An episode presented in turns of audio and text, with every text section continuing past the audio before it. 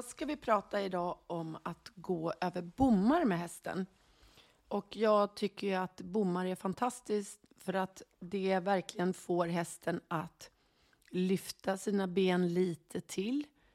Och den får hästen att höja ryggen och sänka huvudet och ryttaren hålla balans. Det finns ju vissa regler när man går över bommar. Och det är att hästen får titta på bommarna men du måste titta rakt fram eller dit du vill. Och just där att hitta balans, det tycker jag är så otroligt viktigt. Och jag har gjort en balans och kommunikationsbana. Kommunikationen är att du ska gå in med din häst i en labyrint.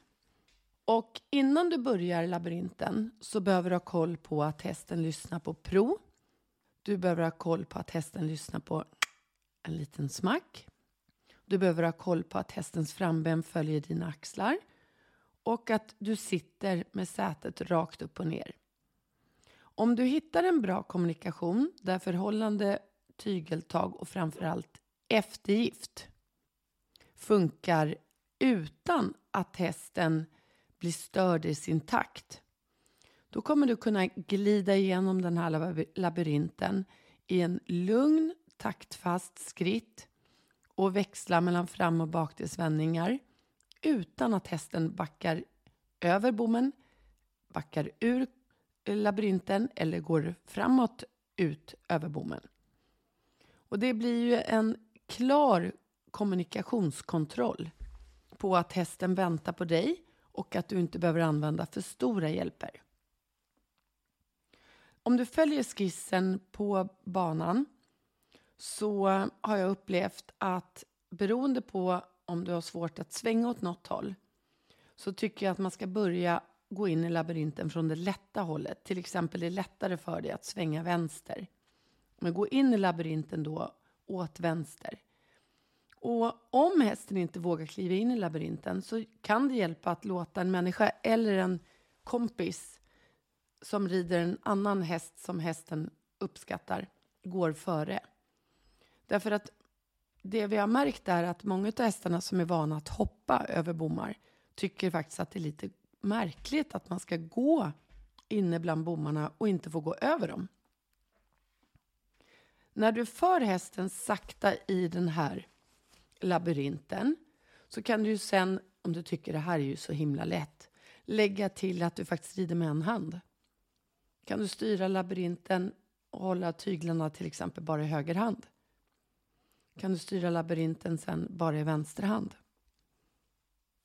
Det finns också en, en eh, lite spännande aspekt i att om du gör den från början, rider ditt pass i alla dina gångarter som du vill och så går du tillbaka och gör den i slutet. Att du upplever skillnaden. Blir det mjukare i slutet? Väntar hästen på dig? Eller är den för hetsig? kan du återta kommunikationen. När du rider den här labyrinten så kan den sen vara kvar.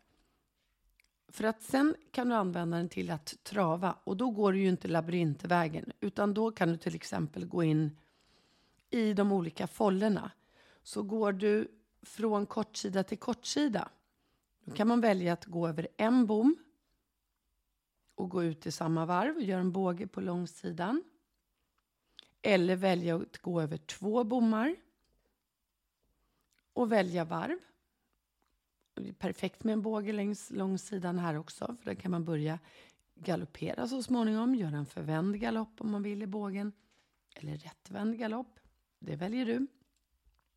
Och allting som skapar kommunikation, alltså att du bestämmer, du har en tanke, jag vill ha den här farten, stanna din kropp eller starta din kropp, till den farten ger hjälperna samtidigt som du ger ett ljud.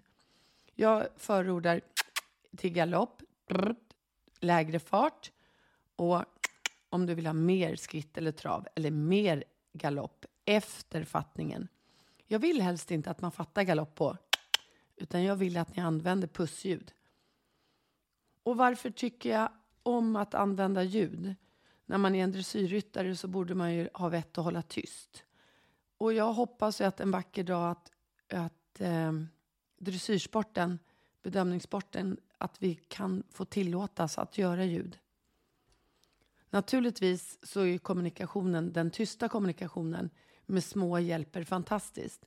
Men det finns ju också tillfällen när man faktiskt behöver få vara med hästen.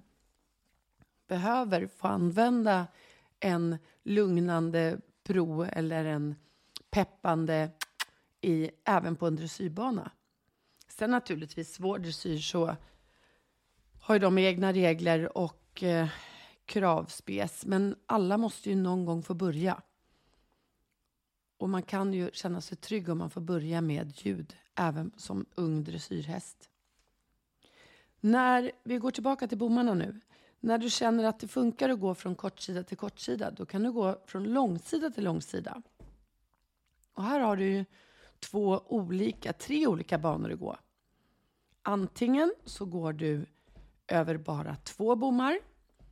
Tänker på att lättridningen över bommar. Du måste se till att du inte sätter dig tungt i sadeln för att om din rumpa kommer ner i ryggen samtidigt som hästens rygg höjs upp och går över bommen, då kan det bli otroligt jobbigt för hästen. Den kan så att säga tappa bakbenen och takten eller balansen. Din blick ska vara rakt fram och dina händer ska kunna ge en eftergift. Om hästen vill sänka nacken så ska den få det. Jag anser att om man går över bommar och håller på med hoppning så ska man ha någon på backen. Dels för att rulla tillbaka bommarna och dels hjälpa till med avstånden om det känns för svårt för hästen. I mitt fall i den här ritningen så har jag tagit tre meters bommar. Och om din häst inte kan trava två steg på tre meter utan måste korta för mycket eller länga för mycket och det blir orytmiskt, då vill jag att man passar på och kortar upp eller längre ut så att det blir angenämt för hästen med steglängden. Så beroende på hur stor häst du har så väljer du avstånd så att det blir en schysst och trevlig takt. Om du väljer att gå över två bommar och det nu ligger på tre meter då kan man i princip trava in genom en, fatta galopp ut över den andra. Du kan också välja att galoppera på tre meters bommar. Och sen om du har en liten ponny, återigen, då måste du ha någon som rullar bommarna så att det passar. Och det finns en jättebra avståndstabell som är lätt att följa och det är bara att googla på avståndstabell bommar häst eller hoppning häst. Sen finns det en väg som går över tre bommar. Det finns även en väg, en otroligt lite smalare väg, en verklig precisionsbana över fem bommar. Och de här fem bommarna, så börja inte med dem förrän du känner att du har balans i din egen kropp. Se till att du har blicken upp, låt bli att titta ner på bommarna. Se till att du håller balansen över alla bommar. Jag tycker väl kanske att om man gör det här i en grupp, om man är tränare eller ridlärare i grupp, då är det ju lättare att använda två bommar eller tre bommar. Därför att fem bommar på raken kräver ganska mycket av både häst och ryttare. Om du känner att hästen inte mäktar med utan tappar takt, tappar riktning och det inte går att styra, då går vi återigen tillbaka till att rida från kort sida till kort sida över en eller två bommar med längre avstånd. Den här övningen kan du variera i oändlighet. Och jag har gjort den eh, bland annat i grupper där vi också har tränat kommunikation med varandra. Jag tycker ju om att ha några bommar gula och några bommar blå. Kommunikationen med, med varandra blir då att du säger jag går in över blå du säger jag går till höger. Så att man har kommunikation med hästen och börjar kommunicera med andra. Det är fantastiskt bra även för de som faktiskt ska ut på framhoppning. Att kunna vara snabb, ta beslut på vilken bomserie man vill komma på. Gul eller blå i det här fallet. Och åt vilket håll man vill gå. I och för sig nu för tiden så är all framhoppning i samma varv.